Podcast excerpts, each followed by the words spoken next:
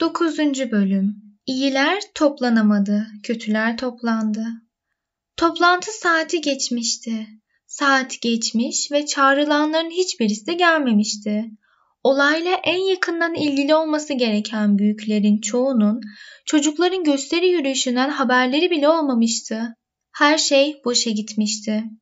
Artık akşam oluyordu ve ergüven renkli bulutlar arasında kırmızı bir top gibi ufka yaklaşmakta olan güneş, yüzlerce çocuğun saatlerdir ses çıkarmadan oturdukları taş basamakların şimdi ancak en üst sırasını aydınlatabiliyordu. Ne konuşan vardı ne gülen. Sessiz, üzüntülü oturuyordu herkes. Gölgeler gittikçe uzadı. Neredeyse karanlık basacaktı. Hava serinledi, çocuklar titremeye başladılar. Uzaklarda bir kilise çanı sekizi vurdu.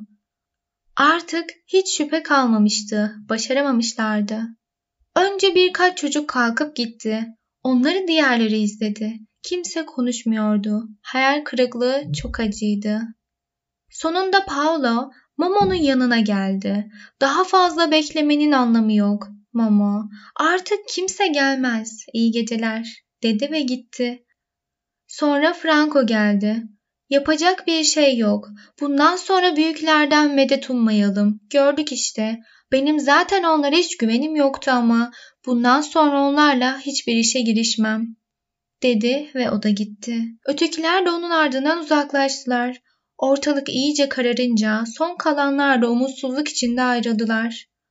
Momo, Gigi ve Beppo yalnız kaldılar. Bir süre sonra ihtiyar çöpçü ayağa kalktı. Momo, sen de gidiyor musun? diye sordu. Gitmem gerek diye karşılık verdi Beppo. Fazla mesaim var. Gece mi? Evet, bizi olağan dışı çöp boşaltmaya çağırdılar.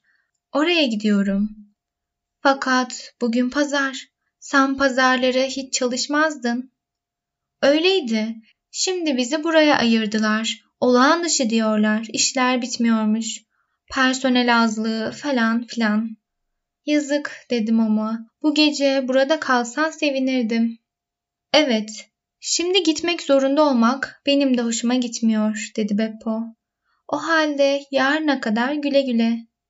Beppo gıcırtılı bisikletine atlayıp karanlıkta kayboldu. Gigi ıslıkla melankolik bir şarkı tutturmuş çalıyordu. Çok güzel ıslık çalardı. Momo onu dinliyordu. Birdenbire ıslığı kesti. Ben de gitmeliyim dedi. Bugün pazar. Gece bekçiliği yapacaktım. Bunun benim yeni görevim olduğunu sana söylemiş miydim? Neredeyse unutuyordum. Momo ona gözlerini açarak baktı. Bir şey söylemedi. Gigi, üzülme dedi. Planımız düşündüğümüz gibi gerçekleşmedi diye keder etme. Başka bir şey daha düşünmüştüm. Hem canım aslında eğlenceli oldu. Muhteşemdi. Momo susmakta inat ediyordu. Gigi onu yatıştırmak için saçlarını okşadı ve konuştu. Bu kadar büyütme Momo. Yarın sabah her şey değişir. Biz de başka bir hikaye düşünürüz. Olur biter, değil mi? Bu bir hikaye değildi, dedi Momo yavaşça. Gigi ayağa kalktı. Anlıyorum ama yarın bunu yine konuşuruz tamam mı? Şimdi gideyim artık. Zaten geç bile kaldım. Sen de yat uyu. Ve Gigi melankolik melodiyi ıslıkla çalarak uzaklaştı. Momo o kocaman, yüz yuvarlak taş çemberi içinde tek başına kaldı. Yıldızsız bir geceydi. Gökyüzünü bulutlar kaplamıştı. Garip bir rüzgar esiyordu. Sert değil ama sürekli ve üşütücü bir rüzgar. Kül soğukluğunda bir rüzgar. Büyük kentin dışında uzaklarda dağ gibi çöplükler yükseliyordu. Teneke kutularının, cam kırıklarının, küllerin, plastik artıklarının, karton kutuların, büyük kenttekilerin her gün çöpe attığı bir sürü öteberinin oluşturduğu tepeleme yığınlar. Burada çöp fırınlarında yakılma sıralarını bekleyen. Beppo ve arkadaşları ellerinde kürekler sıra sıra dizilmiş çöp kamyonlarından gece yarılarına kadar projektör ışıkları altında çöp boşalttılar. Boşalan kamyonların ardından yeniden doluları geliyordu. Çabuk olun deniyordu. Haydi, haydi yoksa bitiremeyeceğiz. Durmaksızın kürek sallayan Beppo'nun gömleği terden sırılsıklam üstüne yapışmıştı. Gece yarısı iş bitti. Beppo zaten hem yaşlı hem de çelimsiz olduğu için iyice yorulmuştu. Delik deşik bir plastik bidonu ters çevirip üstüne oturdu ve biraz nefes almaya çalıştı. Arkadaşlarından biri ''Hey Beppo, haydi artık eve gidiyoruz, geliyor musun?'' diye seslendi. ''Bir dakika'' dedi Beppo ve eliyle ağrıyan göğsünü bastırdı. Bir başkası ''İyi değil misin ihtiyar?'' Diye sordu. Geçti, geçti dedi Beppo. Siz gidin, ben biraz daha dinleneyim. Peki öyleyse, iyi geceler diye seslenerek gitti arkadaşları. Ortalık sessizdi. Sadece çöplerin arasında cirit atan farelerin çıtırısı duyuluyordu ara sıra. Beppo başını kollarına dayayarak uyudu kaldı. Sert bir rüzgarla uyandı. Ne kadar uyuduğunun farkında değildi. Başını kaldırdı ve gözleri fal taşı gibi açıldı. Çöp yığınlarının üstünde bir sürü insan vardı. Şık giyimli, melon şapkalı, ellerinde kurşun renkli evrak çantaları ve dudaklarında küçük gri sigaralar olan duman adamlar. Hepsi susmuş, çöp yığınlarının en yükseğinin üzerinde kurulmuş olan hakim kürsüsü gibi yere bakıyorlardı.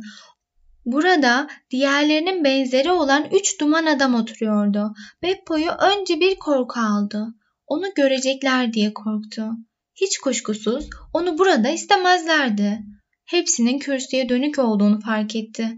Belki onu hiç görmezlerdi. Belki de atılmış bir çöp sanırlardı. Hiç kıpırdamadan olduğu yerde silmeye karar verdi. Kürsünün ortasında oturan adamın konuşması sessizliği bozdu. Ajan BLV 553C mahkeme önüne çıksın. Çağrı aşağıdan tekrarlandı ve uzaklarda yankılandı. Sonra kalabalık arasında yol açıldı ve bir duman adam tepeye doğru ilerledi.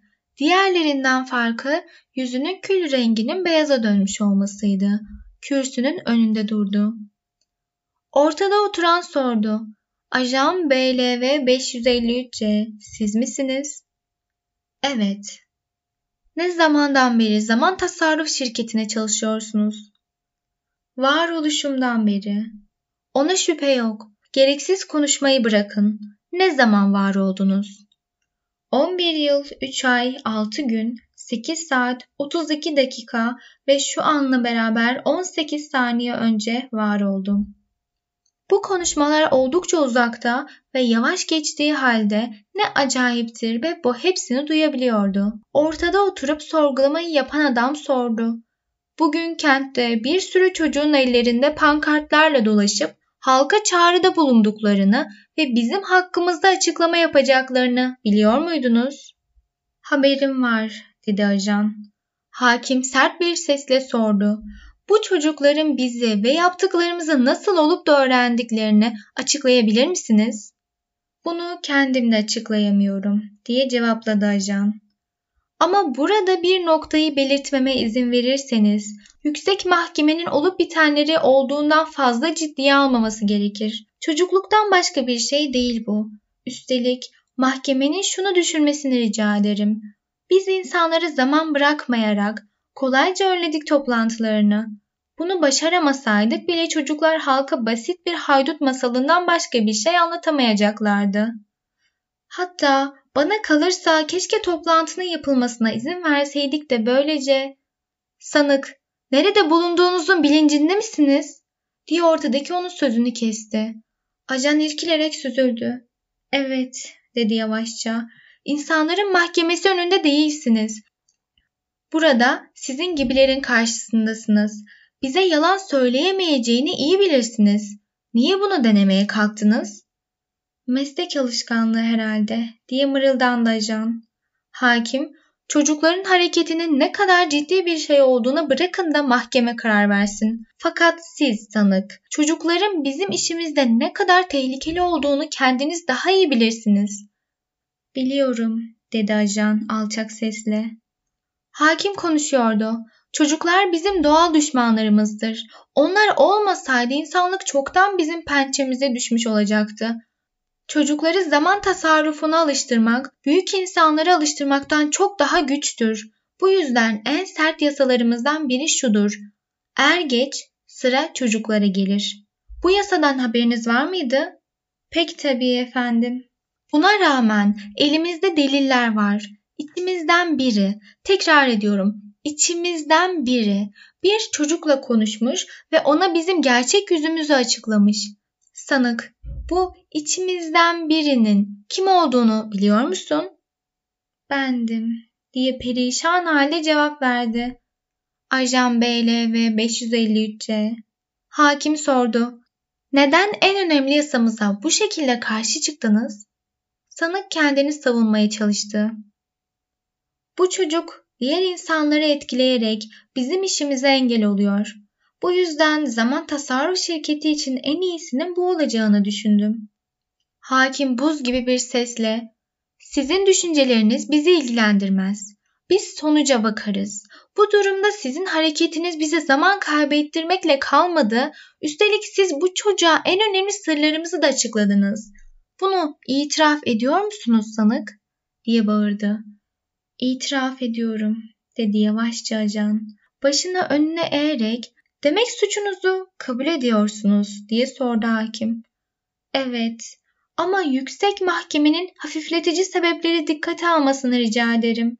Tam anlamıyla büyülenmiştim. Bu çocuğun dinleyiş biçiminde ne varsa bilmem. Ağzımdan laflar dökülüverdi. Ben kendim de çok şaşırdım. Yemin ederim nasıl olduğunu bilemedim. Özürleriniz bizi ilgilendirmez. Hafifletici sebepleri uygulayamayız. Yasamız kesindir. Ayrıcalık tanımaz. Ancak şu garip çocuk hakkında biraz bilgi edinelim. Adı nedir? Momo. Oğlan mı, kız mı?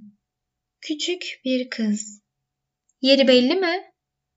Tiyatro harabelerinde oturuyor. Not defterine her şeyi yazan hakim, iyi diye konuştu. Siz sanık, bu kızın bize artık bir daha zarar veremeyeceğinden emin olabilirsiniz. Bunun için bütün olanaklarımızı kullanacağız. Hemen kararın infazına geçeceğimizden bu size bir teselli olsun. Suçlu titremeye başladı. Karar nedir diye sordu. Kürsünün arkasında oturan üç adam başlarını birbirine yaklaştırarak biraz fısıldaştılar ve kafa salladılar. Sonra ortada oturan tekrar suçluya dönerek kararı bildirdi. Ajan BL ve 553C hakkında oy birliği ile alınan karar sanığın ihanet suçu sabit görülmüştür. Kendisi de bunu itiraf etmiştir. Yasamız bu durumda ceza olarak kendisinin tüm zamanının geri alınmasını emreder. Merhamet, merhamet diye feryat etti suçlu. Fakat yanında duran iki duman adam onun sigarasını ve kurşun renkli evrak çantasını çabucak çekip aldılar. Ve o zaman inanılmaz bir şey oldu. Suçlu şeffaflaşmaya başladı. Çığlığı da gittikçe hafifleyip uzaklaşıyordu. Elleriyle yüzünü örtmüş orada dururken birden hiç görünmez olup kayboluverdi. Durduğu yerde rüzgarla sağa sola biraz kül savurdu. Sonra bunlar da yok oldu. Mahkemeyi yapan ve seyredenler sessiz sedasız uzaklaştılar. Karanlık onları yuttu. Çevrede soğuk bir rüzgar esti.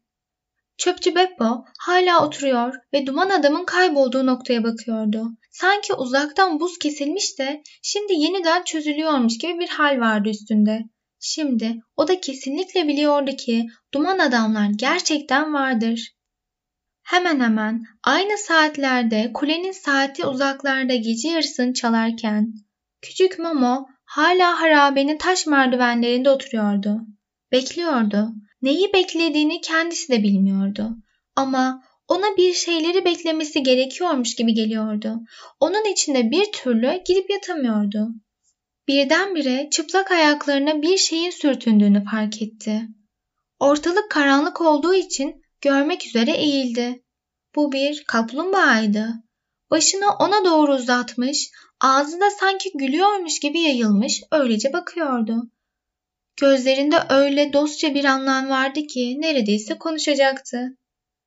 Momo ona doğru iyice eğilerek parmak uçlarıyla çenesinin altına okşadı. Ah, kimsin sen bakayım diye sordu.